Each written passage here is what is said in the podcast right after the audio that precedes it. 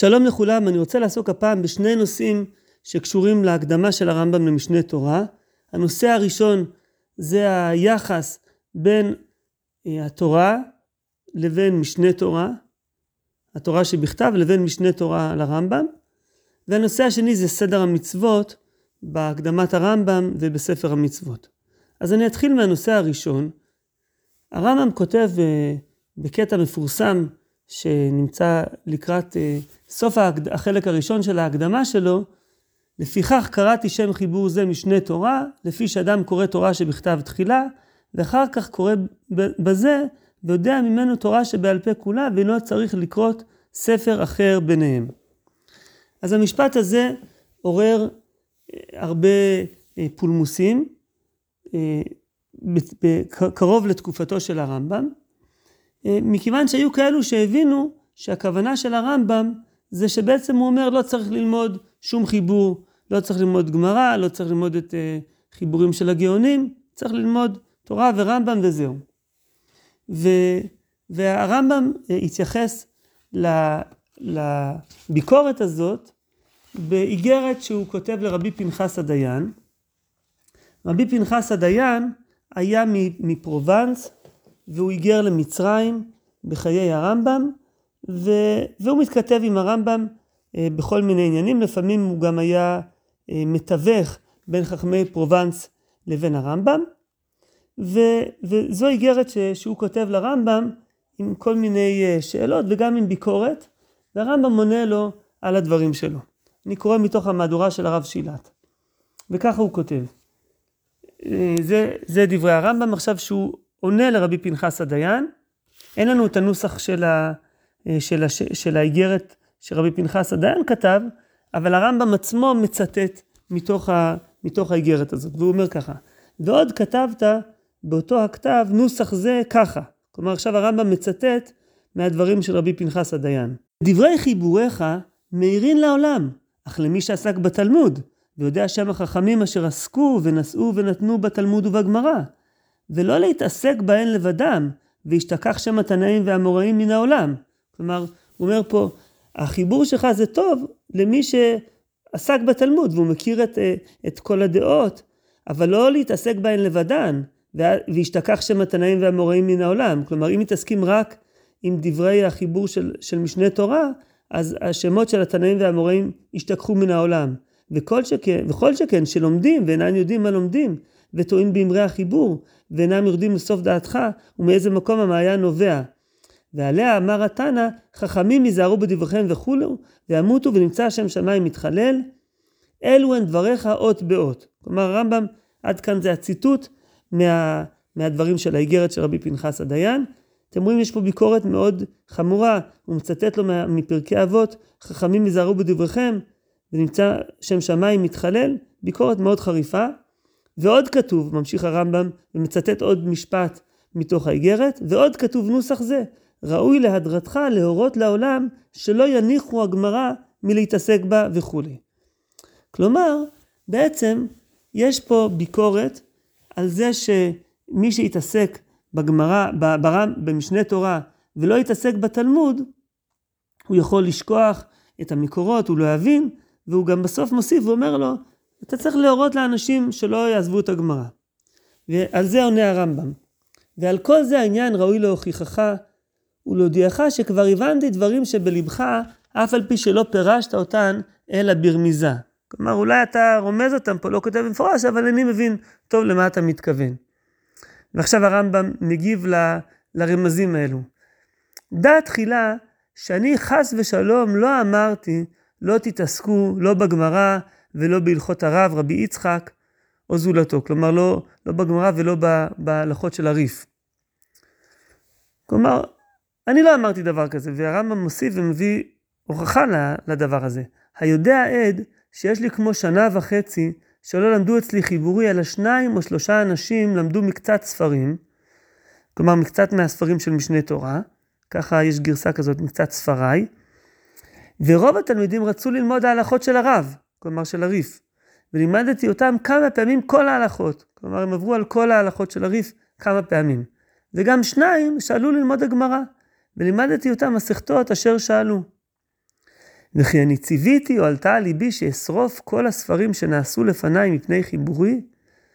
ולא בפירוש אמרתי בתחילת חיבורי שלא חיברתי אותו אלא מפני קוצר הרוח, למי שאינו יכול לרד לעומק התלמוד, ולא אבין ממנו דרך האסור והמותר, והערכתי בדבר זה הרבה.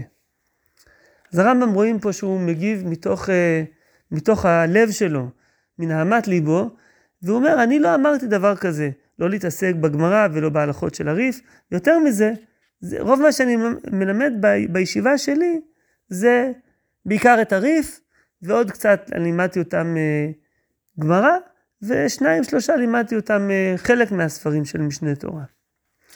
באמת, כשאנחנו uh, מדייקים בלשון של, ה, של הרמב"ם, בהקדמה שלו, הוא באמת לא אומר לא ללמוד uh, ספרים, אלא הוא אומר, אני חוזר ללשון, הוא אומר שאדם קורא תורה שבכתב תחילה, ואחר כך קורא בזה, ויודע ממנו תורה שבעל פה כולה.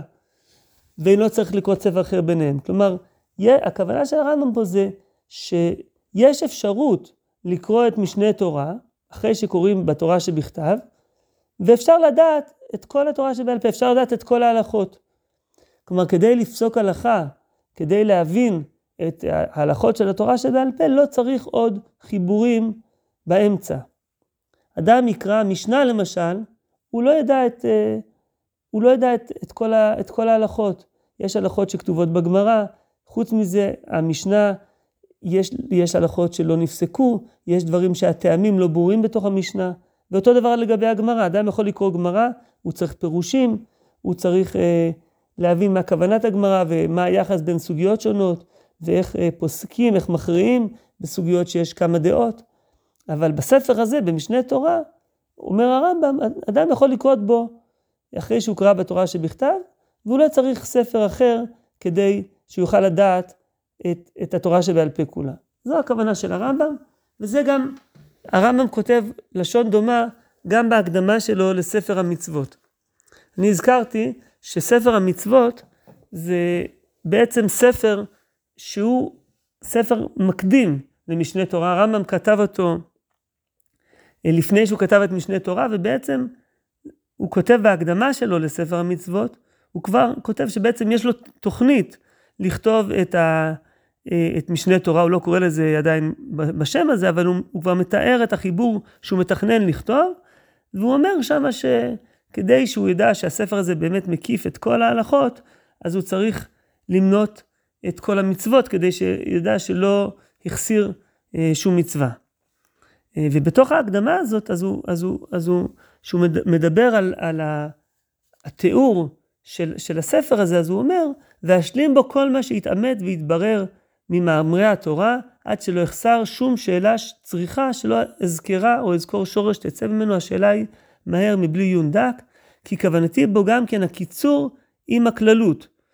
עד שימצא בו כל מה שימצא במשנה ובתלמוד וספרה וספרי ותוספתא, וכל מה שהוציאו הגאונים המתאחרים, כלומר הגאונים המאוחרים יותר, ובהרו ופרשו מאסור ומותר, טמא וטהור, פסול וכשר, חייב ופטור, משלם ולא משלם, נשבע ופטור מלהישבע, ובכלל, ועכשיו זה המשפט החשוב, שלא יצטרך עמו אחר התורה ספר אחר זולתו, לדעת ממנו דבר ממה שיצטרך בכל התורה, בין מדאורייתא בין מדרבנן.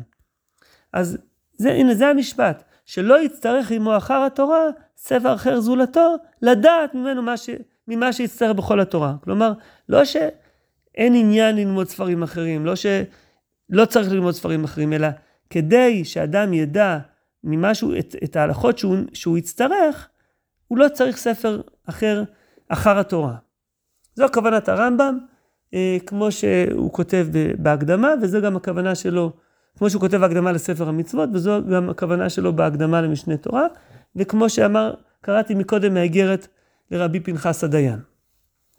אז עד כאן צד אחד של העניין, שהרמב"ם לא כותב, הוא לא יוצא נגד לימוד חיבורים אחרים, אלא אומר שכדי לדעת את ההלכות של התורה שבעל פה, כולם, מספיק משנה תורה אחרי התורה שבכתב. אבל יש פה צד נוסף לעניין, ואני חושב שלא תמיד מדגישים אותו, וזה שהרמב"ם אומר שאדם קורא תורה שבכתב תחילה. כלומר, כן יש צורך בחיבור אחד לפני שקוראים את משנה תורה, וזה התורה שבכתב. מה הסיבה לעניין הזה? אני חושב שזה לא רק איזושהי תפארת המליצה שהרמב"ם רוצה לתת פה כבוד לתורה שבכתב ולכן הוא מזכיר אותה, הוא אומר אני רק משנה תורה, אלא יש פה משהו אה, יותר אה, מהותי, ויש בזה כמה צדדים, ואני רוצה קצת לבאר את הצדדים של העניין הזה. צד אחד, הייתי אומר, בצד הכי פשוט, ש, שבאמת, אדם, אם אדם יקרא משנה תורה בלי לקרוא בתורה שבכתב תחילה, באמת, הוא לא ידע את כל ההלכות. יהיה חסר לו מידע, יהיה חסר לו אה, פרטי מידע כדי לדעת מה שמופיע במשנה תורה. אני אתן כאן דוגמה אחת לעניין הזה, וזה התאריכים של החגים. הרמב"ם אה, מדבר על המצוות שיש בחגים, בפסח, שבועות, סוכות, ראש השנה, יום כיפור וכולי, אה, אבל לגבי סוכות, הרמב"ם לא כותב מתי זה סוכות. לגבי פסח הרמב"ם מזכיר, למשל אני קורא מהלכות חמץ ומצה, כל האוכל כזית חמץ בפסח מתחילת ליל חמישה עשר עד סוף יום אחד ועשרים בניסן, ומזיד חייב כרת וכולי וכולי. אז פה הוא נותן תאריכים, מתי חל פסח, על הדרך. אבל כשהרמב"ם מדבר בהלכות שופר, סוכה ולולב, כשהוא מדבר על המצוות שיש בסוכות, אז הוא לא, הוא לא, הוא לא מזכיר מתי זה סוכות. הוא, הוא כותב ככה: כיצד היא מצוות הישיבה בסוכה, שאוכל ושותה ודר בסוכה כל שבעת הימים, וכולי וכולי. אז כל שבעת הימים, אבל מתי הם שבעת ימי חג הסוכות? זה הרמב"ם לא כותב. לא בהלכות שופר סוכה ולולב, וגם לא בהלכות אה, תמידין ומוספין, ששם הוא מדבר על הקורבנות המוספים שצריך להקריב בחג הסוכות. וגם שם הוא כותב, אה, כשהוא מדבר על המצווה, הוא קורא לזה מוסף החג. או בהלכות עצמם, הוא אומר, בקורבנות החג אינו כן, אלא קרבין על הסדר הכתוב בתורה, וכולי. חג הכוונה אצלו לסוכות, גם בהקדמה שלו אה, ברשימת המצוות שלמדנו השבוע, אז הרמב"ם כותב, להוסיף קורבן ביום חג הסוכות, שנאמר והקרבתם עולה אישי ריח ניחוח. אז הרמב"ם לא כותב מתי זה חג הסוכות, והוא גם לא כותב מהם הקורבנות שמוסיפים, אלא הוא נסמך על זה, כל ה-70 אה, פרים שמקריבים בחג הסוכות, כמדומה לי שהרמב"ם לא מזכיר את זה בכלל במשנה תורה, את המניין הזה, מכיוון שהוא נסמך על זה שזה, אלו פסוקים מפורשים בתורה, בתורה שבכתב. אז, אז אה, זו דוגמה לדבר הזה שאדם קורא תורה שבכתב תחילה, ואחר כך קורא בזה ויודע ממנו תורה שבעל פה כולה. צריך לקרוא קודם כל בתורה שבכתב, לא רק בגלל שהיא חשובה, ו, ו, ושאנחנו מכבדים אותה או משהו כזה, אלא באמת חלק מהמידע של המצוות, הרמב"ם אה, לא כותב אותו כי הוא נסמך על זה שהדברים כבר כתובים בתוך התורה, ואדם צריך לקרוא בתורה שבכתב תחילה. מעבר לדבר הזה, הרמב"ם קושר, וזה דבר עקרוני שאנחנו יכולים לראות, הרמב"ם כל הזמן קושר בין המצוות אה, ש, שמופיעים פה ברשימת המצוות, לבין הפסוקים בתורה. כל, כל מצווה פה, הוא דואג שיהיה לו פסוק. שיהיה למצווה הזאת פסוק, לפעמים אה, הוא מצטט, בדרך כלל הוא מצטט את הפסוקים, לפעמים הוא, הוא יכתוב בצורה יותר כללית. למשל במצוות שקשורות לטומאה וטהרה, אז הרמב"ם מזכיר רשימה של מצוות, ממצוות עשה צדי ט' עד ק"ח, אה, להיות הנידה טמאה ומטמאה לאחרים, אחרי זה ק' להיות היולדת טמאה כנידה, ק"א להיות המצורע טמא ומטמא, וכולי וכולי, ואז בסוף הוא מגיע לק"ח והוא אומר מצוות עשה ק"ח להיות מי נידה מטמאים לאדם טהור מתארים מטומאת מת בלבד, וכל אלו הדינים של טומאות אלו, רוב משפט כל טומאה וטומאה מבואר בתורה שבכתב. אז זו הערה כללית שהוא מפנה את כל המצוות האלו לפסוקים בתורה שבכתב, כיוון שזה פרשיות שלמות, פסוקים מפורשים, הרמב"ם לא טורח להעתיק אותם. אה, אבל הרמב"ם כן חשוב לו לקשור כל מצווה לפסוק בתורה, והחריגים, המקרים הבודדים ש, שאין את זה, זה דורש אה, דיון בנפרד, אבל גם, גם שם הרמב"ם ידגיש שמפי השמועה למדו שזה מגופי תורה, וניסוחים אה, דומים לעניין הזה.